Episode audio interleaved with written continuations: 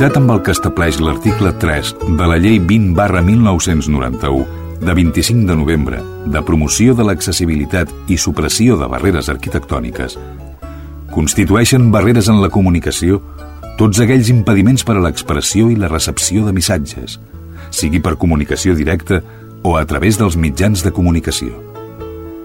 És per això que, emparant-nos en aquesta llei, volem que cada ciutadà gaudeixi del seu propi espai per moure's. Un espai sense censura.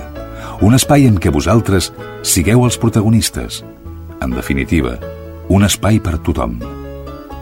Benvinguts a Espai Vital.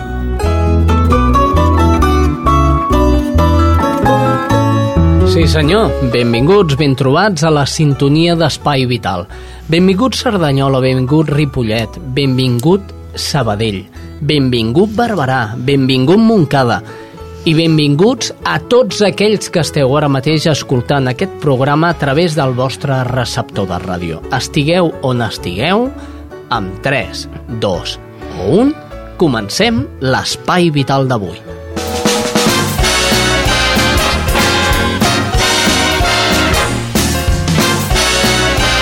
Espai Vital, el primer programa adaptat de les zones.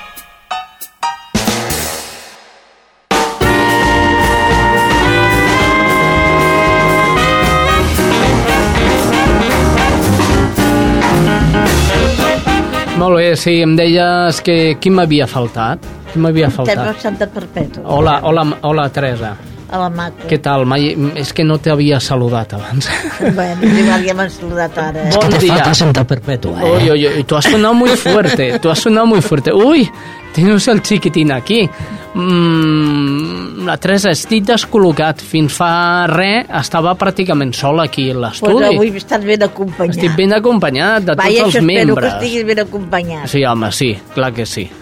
Doncs la Teresa, l'Alfredo Ángel Cano, per mi xiquitín, el Xavi Casas, el Jordi Puy, el control tècnic, realitzarem un programa de pràcticament 60 minuts juntament amb el Jordi Condal, que ens porta la poesia eh, que sempre tenim aquí, al nostre programa, i que, i que tant ens agrada. Si aquesta setmana no vaig poder escoltar, a veure, l'escoltaré demà. No, Ai, Déu meu. Molt bé, doncs eh, començaríem. I per començar tinc una entrevista que la vaig gravar amb una companya, m'agrada dir companya, més que Meritxell i Maric, tot i que amb el nom aquest ja la coneixeu. Aquesta eh, persona és invident, és membre de la SIC i membre d'Espai Vital. Què passa? És invident i al canviar de televisió analògica a televisió digital doncs pràcticament s'han tirat com dos mesos. Escolteu l'entrevista i, es, i, i entendreu eh, de què parlo. Es compleixen gairebé dos mesos de l'apagada analògica i la TDT encara no és accessible per persones invidents. Per parlar d'aquest tema, amb qui millor eh, que amb la Meritxell, ai, Maric, Meritxell, bon dia. Hola, bon dia. Ella és la mm, membre o presidenta de la SIC.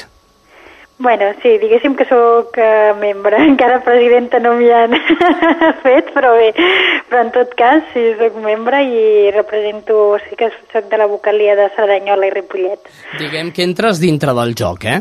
Sí. Molt bé, Meritxell. Eh, a veure, m'heu enviat una nota de premsa eh, aquesta, la que he comentat, que es compleixen pràcticament dos mesos de l'apagada eh, analògica uh -huh. i engegada de la de l'era digital. Em dius en aquesta nota que eh, en aquest moment els aparells digitals, tant els mandos com els decodificadors, no són accessibles per les persones invidents. Uh -huh. Quin és el, uh, el, greuge, el greuge que comporta uh, no tenir programes accessibles? Bé, doncs el que ens passa és que resulta que ara amb la TDT doncs, tots tenim molts canals nous de televisió, tenim molts menús, moltes possibilitats. I el que ens passa precisament és que amb tants menús i tantes possibilitats, doncs nosaltres no ho podem fer servir de manera autònoma. M'explico, per exemple, eh, quan comences a moure't pels canals de TDT, ara potser en tens 30 i pico o 40. Doncs clar, nosaltres no sabem en quin canal estem. Eh, tampoc sabem posar, per exemple, eh, amb els menús, doncs, poder canviar d'idioma o poder posar un servei que està pensat específicament per nosaltres, que és l'audiodescripció de pel·lícules. Mm -hmm. Que, per exemple, a TV3 doncs, eh, ja ofereix la pel·lícula dels divendres amb, amb audiodescripció, que és per a persones cegues. Llavors això, clar, no ho podem fer perquè els menús no parlen. Com que no parlen, doncs nosaltres no sabem el que surt escrit a la pantalla. I la veritat és que no, és, no estem demanant res que no sigui possible perquè en realitat ja existeix un programa, un software, que va dissenyar l'Institut de Telecomunicacions del Govern, l'Inteco. És un software lliure que bueno, nosaltres a l'octubre ja el vam poder provar i funciona perfectament, llegeix aquests menús, llegeix els canals, és perfecte. Sí, perfecte, perfecte, però no en teniu vosaltres. Ah, això mateix. O sigui, eh, existeix aquest software, la cosa està ben feta, però el problema és que els fabricants mm, es neguen a implementar-lo. La meva pregunta seria, eh, és molt car aquest software? Doncs precisament és lliure, és a dir, que el govern el que ha fet, en aquest cas ho ha fet bé, eh, ha fet un, un software que, que els, eh, els fabricants no els hi costi diners d'implementar-ho. Simplement els hi costa, doncs, potser un temps de, de poder-ho posar tots els seus decodificadors o així, però no els hi costa diners perquè el software, com us dic, és, és de lliure distribució i, i no es paga, vaja. Què demaneu vosaltres? Nosaltres el que demanem és que o que el govern exigeixi als fabricants que ho han d'implementar en els decodificadors o, o bé, alguna, alguna solució, o que els fabricants es conscienciïn per ells mateixos de que realment també som un públic, no? El que passa que bé, jo crec que aquí la cosa hauria de passar per una obligació. Hauria de ser que el govern els obligués perquè per lo que es veu, de moment els fabricants no estan per, per històries i no ho volen, no ho volen implementar. Suposo que el tema de la crisi econòmica també és l'excusa de totes les empreses per, per poder tirar enrere propostes que li puguin arribar, no? Sí, però tampoc s'entén, perquè com et dic, el software és lliure. De fet, el software tu te'l pots descarregar de la pàgina web de l'Inteco. El que passa és que els, són els fabricants els que ho han d'instal·lar dintre dels aparells. Nosaltres no ho podem fer, o sigui, un usuari no pot agafar el, el programa i instal·lar-se'l. I vegi o no, eh? és igual. O sigui, és un programa que el mateix fabricant l'ha de posar de sèrie. Llavors, clar, no, no entenem quin és que, que, que és tan, tan problemàtic per ells, no? perquè en realitat simplement es, es tracta de donar un valor afegit més en els seus decodificadors. Eh, potser també falta sensibilitat al nostre govern.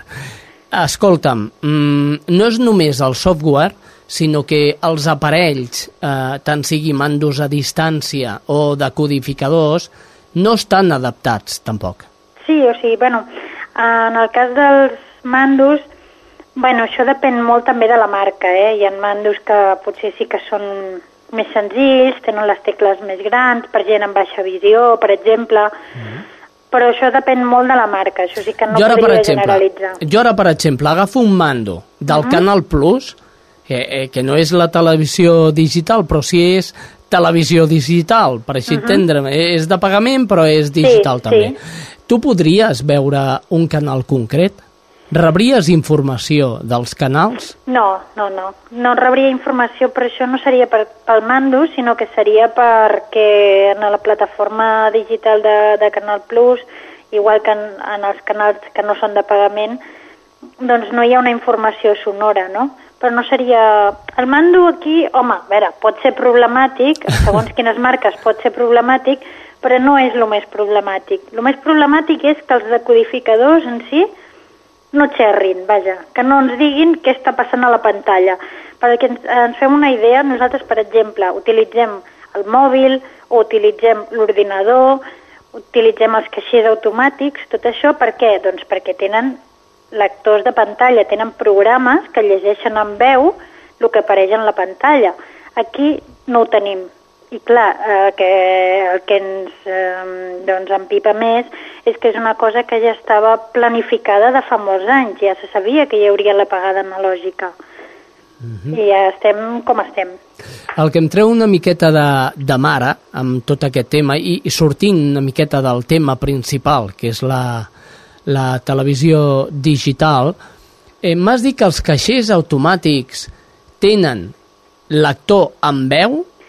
No tots, però sí que molts ho tenen ja implementat. El que passa que ho has d'activar, eh? Ah, has val. de saber-ho activar, sí, Perfecte. sí, clar. és que és, jo ho trobo una mica estúpid, això. És a dir, eh, eh, que una persona invident com tu vagi a un caixer automàtic i a l'hora de treure calés la màquina digui ha elegido 30.000 euros, per no, exemple. bueno, però estan fets d'una manera que és molt discret. També pots posar els auriculars Ah, o, o pots eh, inclús dir-li que no digui la quantitat que tu, que tu has de treure i a més el número secret, per exemple, tampoc el diu. O sigui, et diu les opcions que tu estàs fent servir, Mhm. però no diu les, les dades que són confidencials, diguéssim. home, doncs mira, això seria una mica de debat i d'estudi eh, eh, en una tertúlia que més endavant podríem fer des d'Espai Vital. Txell, per Txell t'ho dic carinyosament. I tant. Txell Aymarí, com a presidenta en número eh, part implicada 100% de, de la SIC, eh, t'agraïm moltíssim que hagis atès a, a Espai Vital i esperem sempre, que hi hagi un canvi, eh, que hi hagi un canvi, eh? Esperem que sí, eh? perquè això ja et dic que ja fa temps que dura i ja se sabia, ja se sabia que això arribaria. Això no s'ha portat al Parlament? Bueno, de moment no, però veure, ja veurem a veure què fem. Ja farem alguna cosa. Ja farem, ja. Gràcies, Meritxell. Vinga. Fins una altra. Adéu. Adéu. adéu. Això és Espai Vital.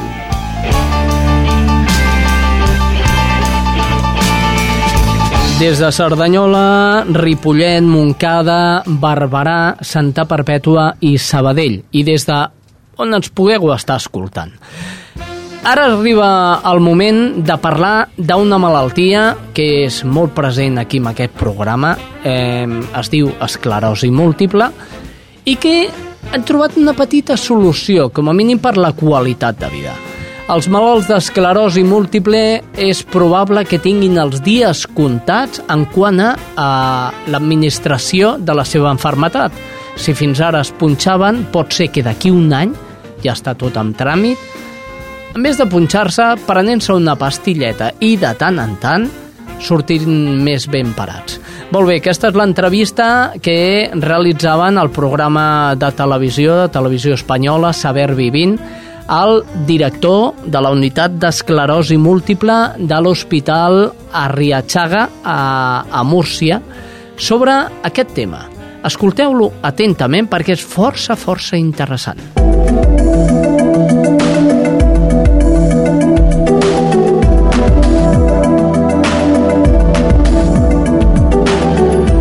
La esclerosis múltiple en brotes es una de las formas más extendidas de esta enfermedad. Se caracteriza por la existencia de periodos en que los síntomas se manifiestan, que son recurrentes, y otros en que desaparecen, ¿eh? que, que remiten. La sintomatología es muy variada, depende de la localización de la lesión. Aquí ya hemos hablado en programas anteriores eh, con especialistas de los diferentes tratamientos que existen a día de hoy. Recordemos que los pacientes de esclerosis múltiple deben usar inyecciones diarias para mitigar los síntomas de esta, de esta enfermedad. Y hoy vamos a, a saber y a, y a prestar especial atención al tratamiento oral de la enfermedad de la esclerosis múltiple, que es una gran esperanza, sin duda, para los pacientes con esta enfermedad neurológica. Damos la bienvenida al doctor José Meca, el doctor Meca es responsable de la unidad de esclerosis múltiple del Hospital Virgen de la Rixaca, en Murcia. Doctor Meca, buenas tardes. Hola, buenas tardes. ¿Qué tal? Bienvenido, doctor. Eh, por lo que usted sabe, por lo que usted conoce, por eh, la experiencia con el trato de enfermos, ¿qué puede representar para los pacientes un tratamiento de esclerosis múltiple mediante comprimidos, es decir, por vía oral? Pues bueno, en, primer lugar probablemente una, una mejora importante ¿no? en, su, en su calidad de vida, en sus condiciones de vida. Como usted bien ha dicho, ahora mismo todos los tratamientos, la mayor parte de los tratamientos de los que disponemos son subcutáneos, se tienen que administrar vía subcutánea y esto pues merma mucho la calidad de vida del paciente. Esperemos también y así apuntan los datos preliminares que no solamente mejore su, cali- su calidad de vida por la vía por la mejora en la vía de la administración, sino también por un aumento en la eficacia. Siempre hablamos de los avances en la investigación. Aquí podríamos hablar que gracias a décadas, ¿verdad?, de investigación se ha logrado el desarrollo de fármacos inyectables para algunas de las variantes de la esclerosis múltiple, pero aún persiste la necesidad de conseguir pues más y mejores terapias eh, para tratar todas las formas de esta compleja enfermedad. Doctor Meca, ¿qué se puede esperar del tratamiento oral mm, que- está por llegar? Bueno, hombre, efectivamente ahora disponemos de terapias, disponemos de terapias que son efectivas. Todos estos años de investigación, como bien decía, nos han valido para saber que estas terapias eh, son em, más efectivas cuando antes las administramos, es decir, que hace falta un diagnóstico precoz, es muy importante un diagnóstico precoz para que las terapias de las que dispongamos, de, de las que disponemos ahora, sean realmente eficaces.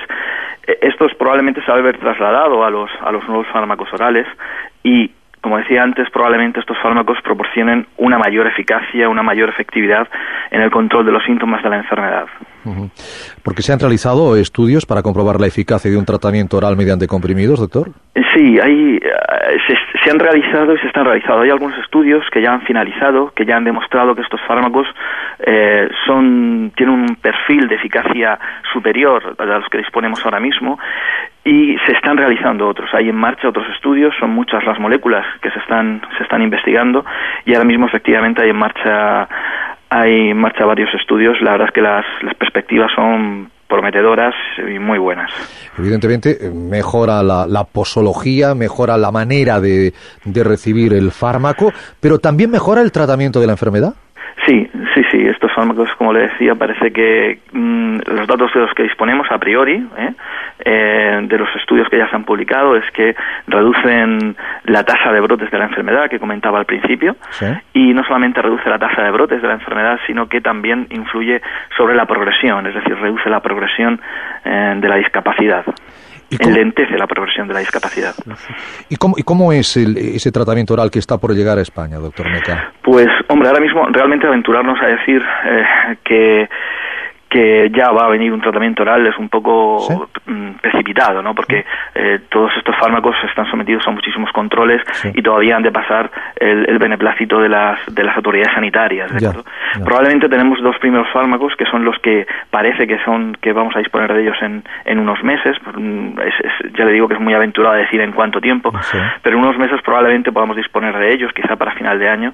Uno es cladribrina oral y otro es fingolimod que probablemente para final de año o a lo largo de este año podamos disponer de ellos, si no, pues para el año que viene. En esto de los plazos, la verdad es que son cosas que nosotros nos gustaría tenerlos ya, ¿no? Claro. Pero que no, no dependen de nosotros, sino, como le digo, de las Claro. autoridades sanitarias y de todos los controles a los que están sometidos. Pero claro, pero es que primero depende de, la- de las autoridades sanitarias europeas, en nuestro caso, y, y luego depende de que sea nuestro Ministerio de Sanidad el español el que también lo autorice. ¿no? Eh, efectivamente, efectivamente, así es. Es decir, que la Unión Europea puede decir ok, pero en España puede ser estar antes que en Italia o, o- o despu- No, no, o- después que Francia, ¿no? gen- Generalmente una vez que ya se ha aprobado para toda la zona eh, Sí. de la Unión Europea, Sí. ya es, es- ya está todo hecho. O sea, ya prácticamente en las cada cada centro regulador de cada de cada país Sí. casi es inmediato, ¿eh? Casi es inmediato el el que ya son algunas cosas que hay que discutir en cada país, pero realmente no estamos hablando de mucho tiempo. O sea, lo más importante es que la EMEA eh, lo, lo apruebe cuanto antes, claro. El otro día hablaba con un buen amigo que está ahí en Chiclana, en, en, en, en Cádiz, en la provincia de Cádiz, y me decía, fíjate, pues a un sobrino de mi mujer le han detectado esclerosis múltiple, tiene 21 años, eh, claro, la angustia, ¿no? De, como siempre Claro. decimos con esta enfermedad, ¿cuál va a ser el pronóstico? Un chico, fíjese, 21 años, súper joven, con toda la vida Claro. por delante, con toda la ilusión.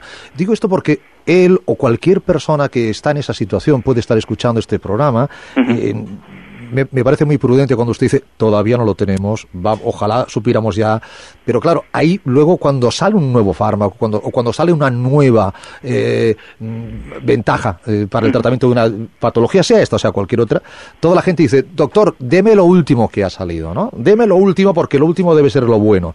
En este caso, eh, va a depender, entiendo, de la esclerosis múltiple, ¿o no? Efectivamente, hay, hay diferentes formas de la enfermedad. Tenemos formas recurrentes remitentes, formas progresivas. Es previsible que la primera indicación de estos fármacos sea en formas recurrentes remitentes, que es en, cómo se han realizado los estudios, no las, las, los pacientes en los que se han realizado los estudios. Y efectivamente, pues generalmente un nuevo fármaco supone un avance, ¿no? Y los pacientes y los pacientes pues siempre siempre solicitan, ¿no? Es lógico por otra parte, ¿no? Que, que si lo último es mejor, pues que se le administre. Lo que pasa es que, bueno, por una parte está la eficacia, que, que es así, y por otra parte está el tema de la seguridad, ¿no? Y lógicamente un punto importante que interesa tanto al paciente como, como a ustedes, ¿no? A los profesionales, a los neurólogos. Estos tratamientos, uno entiende, son mejores, pero también son seguros, son bien tolerados. Sí, mire, es- esto eh, no es, no es una constante, o sea, no siempre es así, pero es algo que se da mucho en medicina, no solo en neurología y en esclerosis múltiple. Mm, Muchas veces un avance, un avance en, en el tratamiento, un avance diagnóstico, a veces, a veces comporta un mayor riesgo, ¿no? Mire, lo- los tratamientos de los que disponemos ahora mismo, los inyectables, son fármacos con una un perfil de tolerancia, digamos, moderado, por no decir mal. Es decir, son fármacos que se toleran mal por el hecho de estar de forma crónica, tener que pincharse todos los días, a días alternos, pues es algo, un, un pequeño suplicio para el paciente. Pero en cambio son fármacos tremendamente seguros. Son fármacos de los que tenemos una experiencia ya de más de 15 años y sabemos que son pocas las sorpresas las que nos podemos llevar con ellos y pocas las sorpresas que se puede llevar el paciente, ¿no?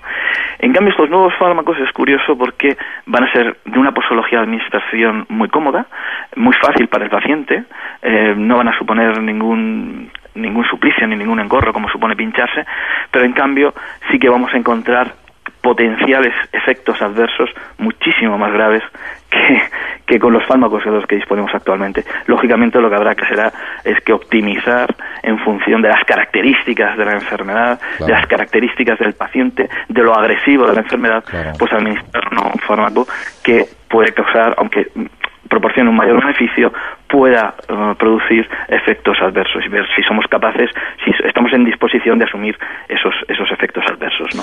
Doctor Meca, ya que le tengo al teléfono y para terminar, eh, nada, eh, apretando un poquito la tuerca, eh, ¿habrá que esperar todavía mucho más para disponer de medicamentos que detengan la progresión de la esclerosis múltiple y otra vueltecita y que reviertan los síntomas que causa la enfermedad?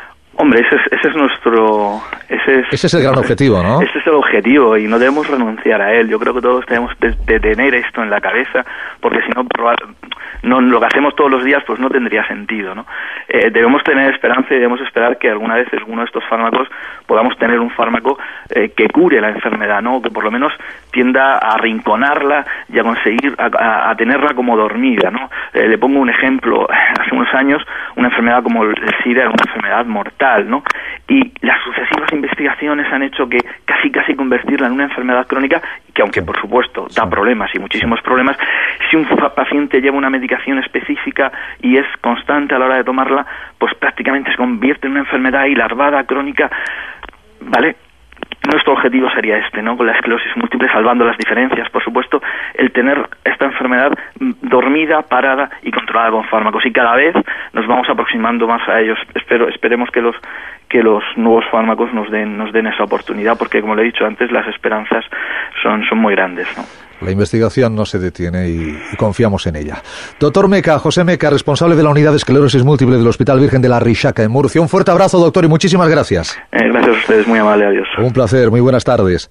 Una información promovida y avalada por el Grupo de Estudio de Enfermedades Desmielinizantes de la Sociedad Española de Neurología.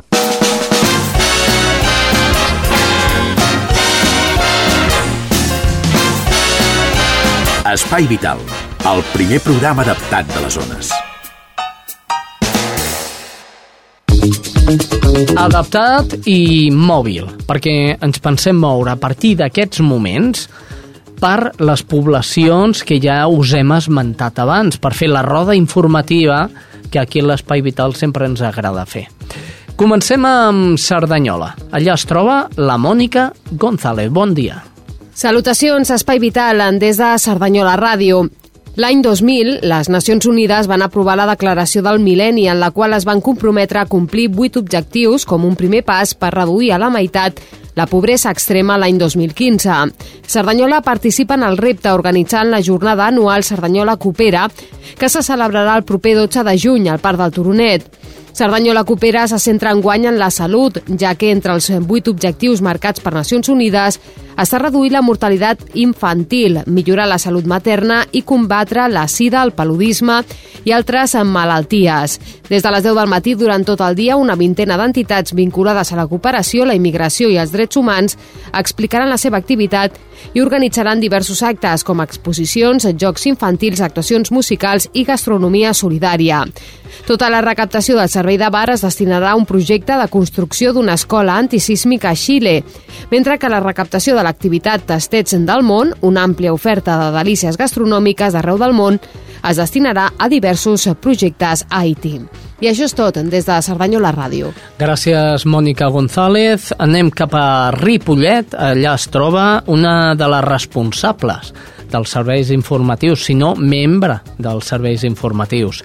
És la Franzina Ricari, aquesta la seva crònica. Molt bona tarda als amics i amigues de l'Espai Vital. Doncs avui des de Ripollet us volem parlar de gent gran, i especialment de gent gran activa. Recordem que aquí en el nostre municipi tenim un programa que es diu Gent Activa, d'activitats, xerrades i d'altres tallers des, dirigits i destinats a persones majors de 65 anys però que encara tenen ganes de fer coses.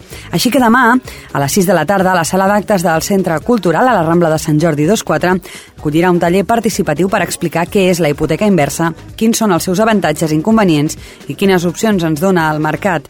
Aquesta xerrada està inclosa en el programa Gent Activa que està organitzat des de la Regidoria de Salut Pública i de la Regidoria de Serveis Socials amb la col·laboració de la Diputació de Barcelona. Sobre aquest tema també poden dirigir-se per informar-se més a l'Oficina Municipal d'Informació al Consumidor a l'UMIC, que es troba al carrer de la Salut número 1. El mes de juny finalitza el programa. A més a més, a part d'aquest taller, també hi haurà un taller d'intercanvi generacional amb la visita al Centre d'Interpretació del Patrimoni Molí d'en Rata. També aquest mes de juny es portarà a terme les darreres sessions dels tallers d'iniciació a internet, tai chi i risoteràpia. En l'edició anterior del programa Gent Activa, de setembre a desembre de 2009, més de 500 persones van participar en aquest programa que ja s'ha consolidat a la nostra població. I això és tot des de Ripollet. Molt bona tarda. Bona tarda. Gràcies, Franzina Ricard anem cap a Montcada. Allà, la Sílvia Alquézar ens fa la seva crònica. Escolteu-la. Hola, salutacions des de l'Espai Vital. Tots els grups municipals van acordar al ple de maig que cara a la pròxima sessió presentaran una moció conjunta de suport als dos infants amb discapacitat, la Laura i el Pau, als quals la Generalitat els ha denegat que puguin comptar amb vetlladores de reforç en l'escola ordinària. La proposta de consensuar el text la va formular la portaveu del Partit Popular, Eva Garcia, qui també, com a diputada popular al Parlament de Catalunya, va demanar a la sessió de control de la Cambra Catalana a trobar una solució a aquest problema. L'entitat moncadenca Adimir dona suport a les dues famílies i ha recollit a través d'internet més de 2.500 signatures. Representants de l'associació van fer assistència a la sessió i van portar una pancarta al ple. D'altra banda, tots els grups van aprovar per unanimitat al ple de maig una moció de suport a les accions per la lluita contra el càncer infantil. El text diu que des de l'administració hi haurà col·laboració en totes les mesures possibles i necessàries per garantir el suport psicològic, educatiu i social als infants diagnosticats amb càncer i les seves famílies.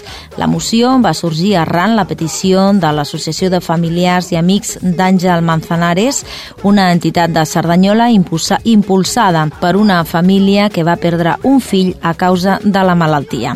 Doncs bé, això és tot. Fins la setmana vinent. Moltíssimes gràcies, Moncada Ràdio, amb mm, Sílvia Alquézar i ara amb Judit González des de Ràdio Barberà. Salutacions des de Ràdio Barberà. El passat dimarts es va dur a terme la inauguració de l'exposició El mosquit tigre, un veí que ens incomoda a la Biblioteca Esteve Palutzier. L'acte va comptar amb la presència de la diputada de l'àrea de Salut Pública i Consum de la Diputació de Barcelona, Dolores Gómez, l'alcaldessa de Barberana del Fragó i la regidora de Salut del Consistori, Mercè Quadrado. L'àrea de Salut Pública i Consum va atorgar una subvenció a l'Ajuntament per la producció de l'exposició que té l'objectiu, segons Gómez, de sensibilitzar la població general sobre les mesures preventives per combatre el mosquit tigre de manera efectiva, a més de donar a conèixer les seves característiques morfològiques bàsiques i com controlar-los. L'exposició romandrà oberta fins al proper 18 de juny. Aquesta s'adreça a la ciutadania en general i als centres educatius, especialment alumnes de cicle superior de primària i ESO. Per aquesta raó, el seu contingut teòric és entenedor i molt gràfic. Consta d'un cartell de presentació i nou planells que presenten els aspectes claus en el control de l'expansió del mosquit tigre. Molt bé, agafant la 7, l'autopista 7, tenim 5 minuts per arribar a la propera població.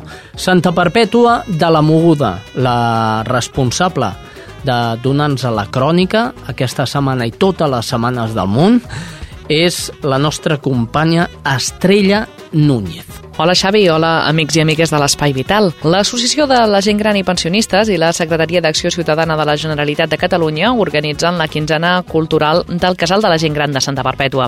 Les activitats van començar el dia 5 de juny i es perllongaran fins al 21 de juny.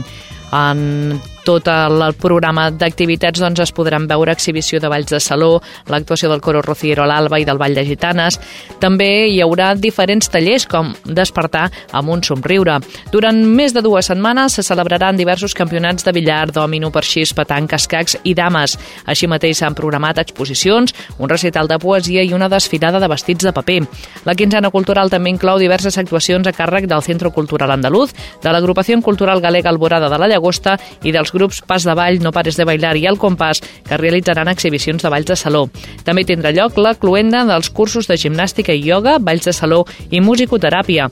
Els grups de teatre, els més grans, del Club Edat d'Oro i els alumnes de l'activitat de memòria oferiran representacions, així com els grups de Can Coral del Casal i el Club Edat d'Oro. Altres activitats previstes són una ballada de sardanes i una botifarrada que s'ha programat per al dia, diguem, de cluenda de la festa el 20 de juny.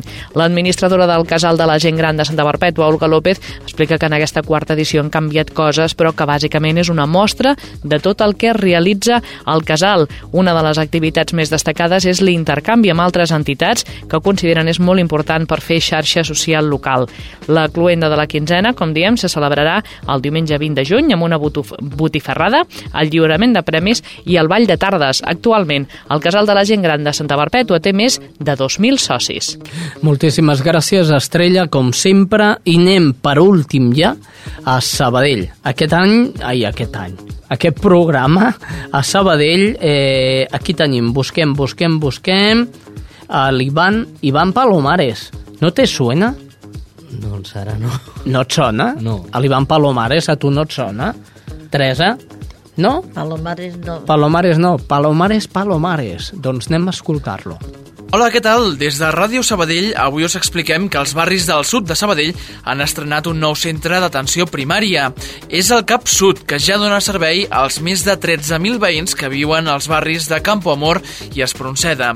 Aquesta nova instal·lació ocupa 1.700 metres quadrats, distribuïts en tres plantes, i a més està preparat pel futur, ja que podria arribar a atendre fins a 18.000 veïns d'aquí a uns anys.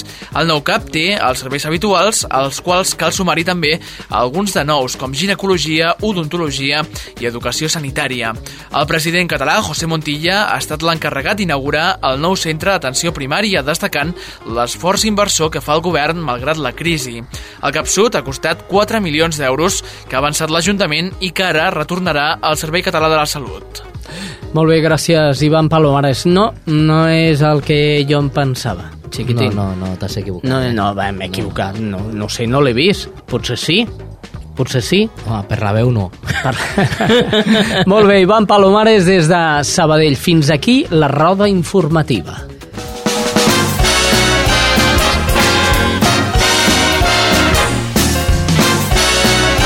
Espai Vital, el primer programa adaptat de les zones.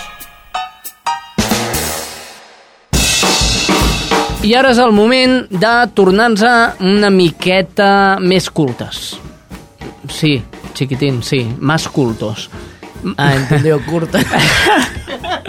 No, senyors, anem a, anem a l'espai de poesia que tenim dintre de l'espai vital i que ens la fa el nostre poeta coix, que així es, es vol anomenar.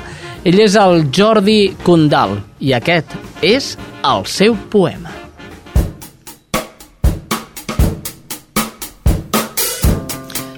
Hola, Xavi.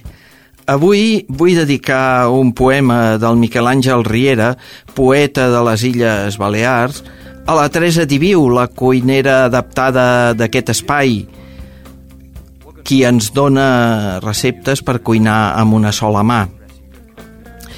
Aquest poema del Miquel Àngel Riera dos, eh, fa, va ser escrit fa uns 50 anys. Eh, Miquel Àngel Riera és un home que s'ha preocupat molt de penetrar amb la substància de la persona, amb, amb l'ànima de la persona. I m'agrada també pogueu fer escoltar aquesta música. The task to improve one of our best-selling products és d'un grup que es diu 1400, però és d'un conegut d'aquest programa, d'aquesta secció del programa, que és en D'Argelos, que, a part de fer música electrònica, també toca la guitarra en el grup aquest. It also means a lot of work and night shifts to accomplish this goal. But it was fun too. Signaré, amb creu de guix, el pam de terra erma, per on pelluquen viure, asseguts a l'esglaó de la vora via, o perduts pel laberint de les cantonades humides, immòbils al portal orinat que mai no travessen les alegries? Els que nasqueren mimbats. El nan, el coix, el que té la cara de fetus, el que té les orelles travessades per la claror, el que té el gest pàl·lid, el que du les mosques com a expressió de la cara, el que té el cap que li trabuca, el que s'embruta el pantaló sense adonar-se'n, el que té gep i mira amb tristor els excursionistes amb motxilla, el gran dotàs que té la veu de nina, el mut, el sec, el sec i mut, el que té el cor a la dreta, el que està compromès a viure dins d'un llit de posts, el que té una salut que rebenta i rebenta, el que té el falus micoi i gira la conversa quan es parla de dones, el que té el nom escrit a la llista municipal dels marietes, el que tremola, el que té els dos peus escarrans, el tartamús, el que du posada cadira de rodes. I tots quants, sense saber per què, ens han donat avantatge. Si puc retardar les llàgrimes, qui sap si de creu en creu de guix assoliré destriar les línies de força que em mantenen dret enmig del panorama. Estàs escoltant Espai Vital.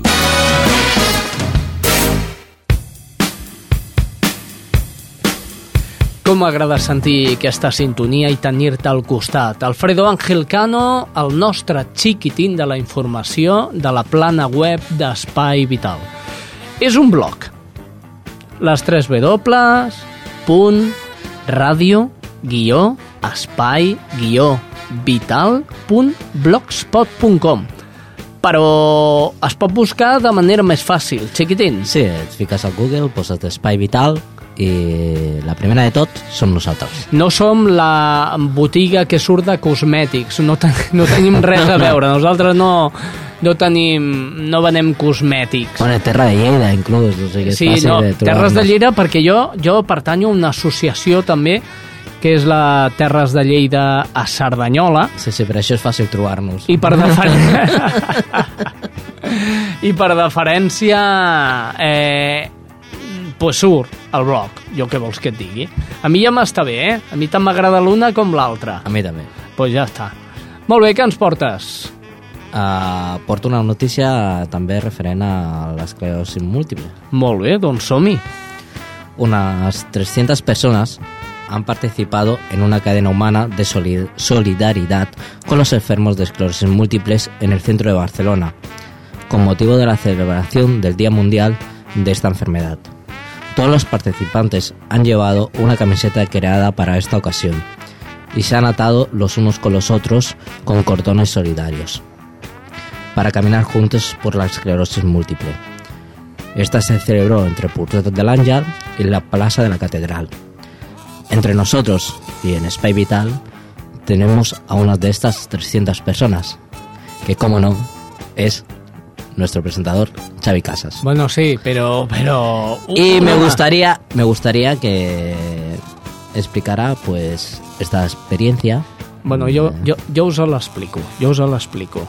Eh, la Fundació Esclerosi Múltiple va convocar a tots els malalts que té dins de la Fundació per iniciar una nova campanya que es va dir Lliga't per l'esclerosi múltiple, cosa, campanya que ja us vam recordar la setmana passada.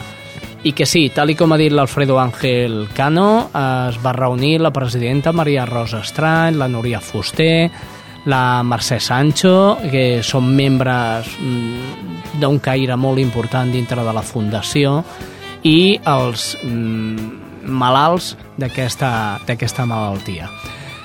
Us diré que la cua era impressionant i que moltíssimes gràcies a totes les persones que van participar en aquesta nova campanya que de fet allà es va estrenar. Igual que el Mullet ja fa anys que s'està fent, aquest va ser el primer dia de la campanya Lliga per l'esclerosi múltiple i que tindrà moltes més edicions. En aquesta trobada de persones malaltes d'esclerosi múltiple es va realitzar un castell. Els castellers de Vilafranca van fer un... No, de Poble Sec. O de Poble Sec, bé, bé és igual. Eh, de Vilafranca o Poble Sec. Eh, un castell, a part que és que senzill, però que significava molt per aquí, per nosaltres, per aquest dia.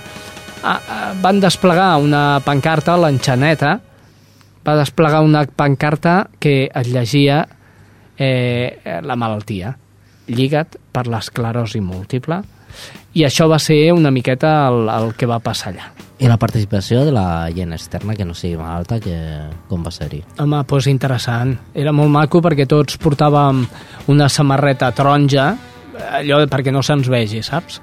Una samarreta taronja, ens van donar un cordillet i un agafat per un costat i l'altre costat una altra persona i semblaven, saps aquells que van quan van a la guarderia? Sí. Van els nens junts agafats un cordill? Sí? Que no. Efectivament. Però amb la samarreta del Lliga't per l'esclerosi múltiple, una, una samarreta maca i que vam comprar a, a les persones que no estàvem dintre de la fundació, van comprar la samarreta i, i els que estaven dintre doncs els hi donaven. Jo crec que aquesta samarreta va ser feta expressament per el Xavi.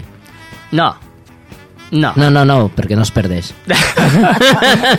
malament, malament, malament perquè hi havia més gent amb samarreta que sense samarreta.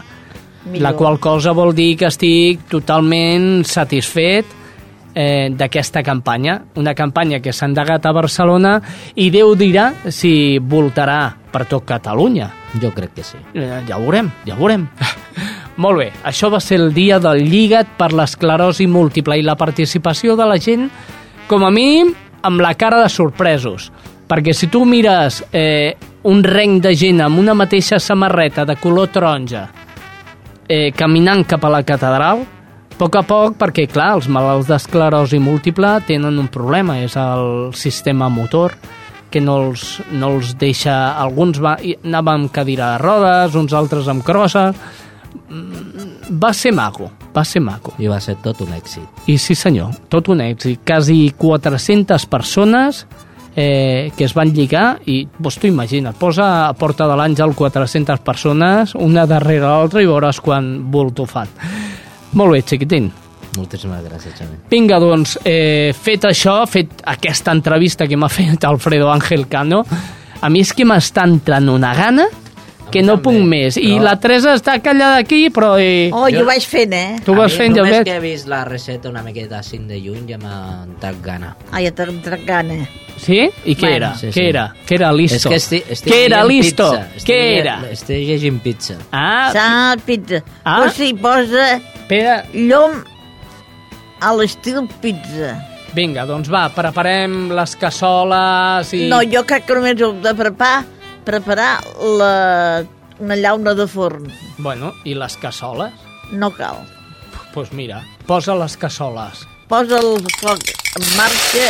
Ho veus? Ho veus com sí? És la cassola. Ho veus sí. com sí que feien falta les cassoles? Si és que... Ah, tot s'ha de, tot de dir, eh? Tot s'ha de dir. Ai.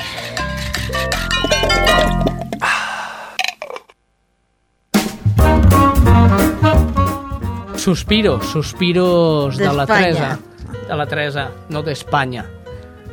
De Catalunya. Molt bé, quin és el plat que ens portes, Teresa? Pues llom a l'estil pizza. Molt bé, està bé això. Està bé, com a mínim original. Explica'ns, ingredients. Ingredients. 8 talls de llom adobat. Mhm. Espera, que jo no m'hi veig gaire. Uh, un tomàquet. Molt bé. Anem, anem, ja, veure, ja veuràs com ho arreglem. Ja, ja veuràs com ho arreglem. 8 filets de llom de porc adobat. Un tomàquet. Un tros de formatge parmesà per ratllar. Orega. Oli verge d'oliva.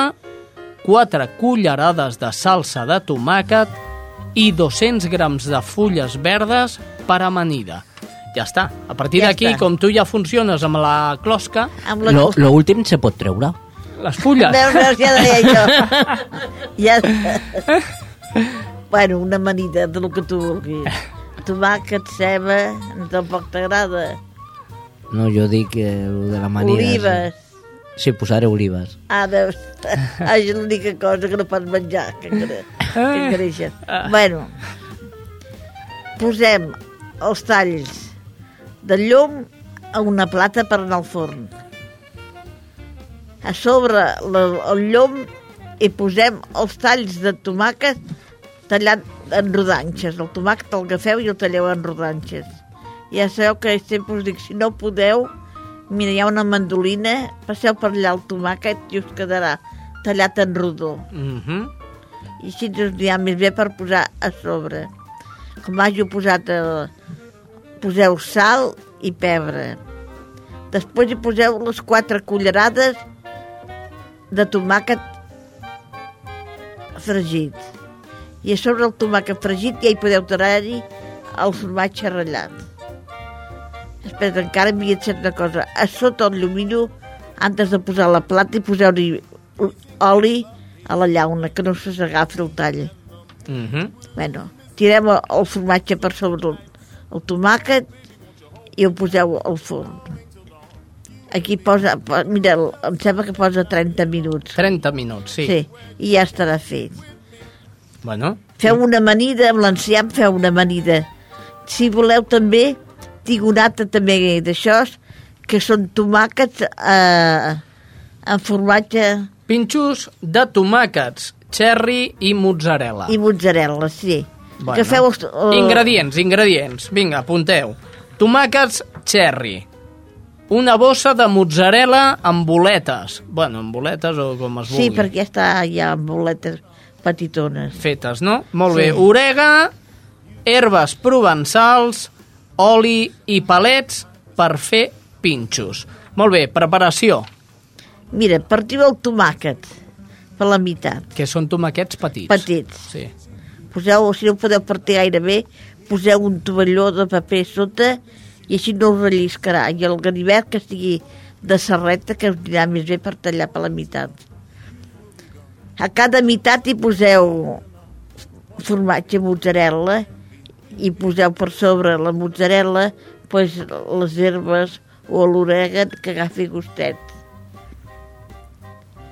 Agafeu un palillo i així cadascú pues, té un, toma, un tomaquet d'aquests per fer l'aperitiu o fer l'amanida o per, eh, per, una, perquè, per acompanyar l'altre menjar, si voleu. Escolta'm, jo me les emporto avui, eh? Aquestes receptes... Emporta-te-les. Me les emporto, perquè si no, home, ara ven a festa d'estiu i això, i es menjar Eh fresc sí? i tot, va, va, és genial. Bé, marxem.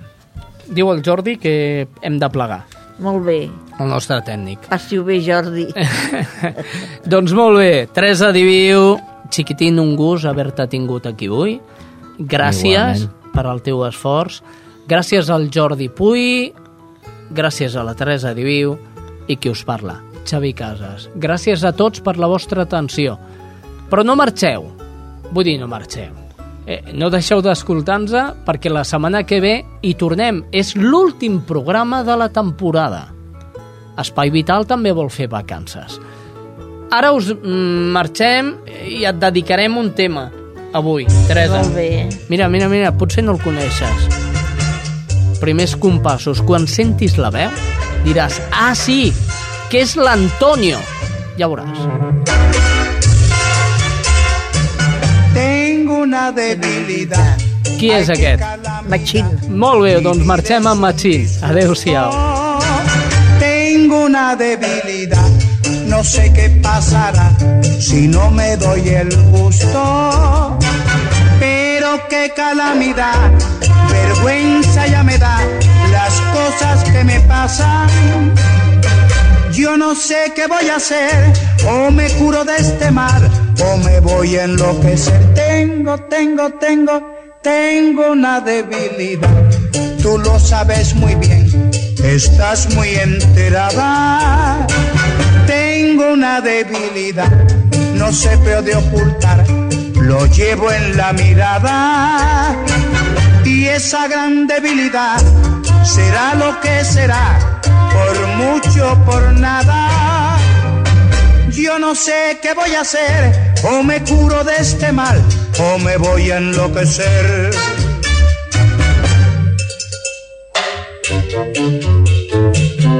Tengo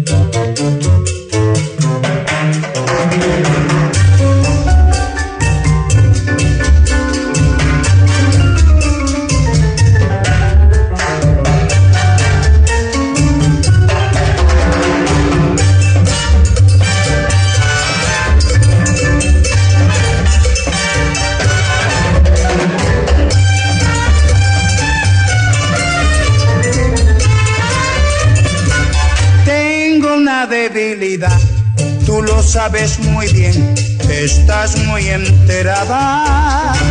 Tengo una debilidad, no se puede ocultar, lo llevo en la mirada.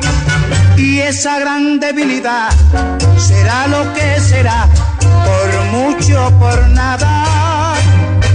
Yo no sé qué voy a hacer, o me curo de este mal, o me voy a enloquecer.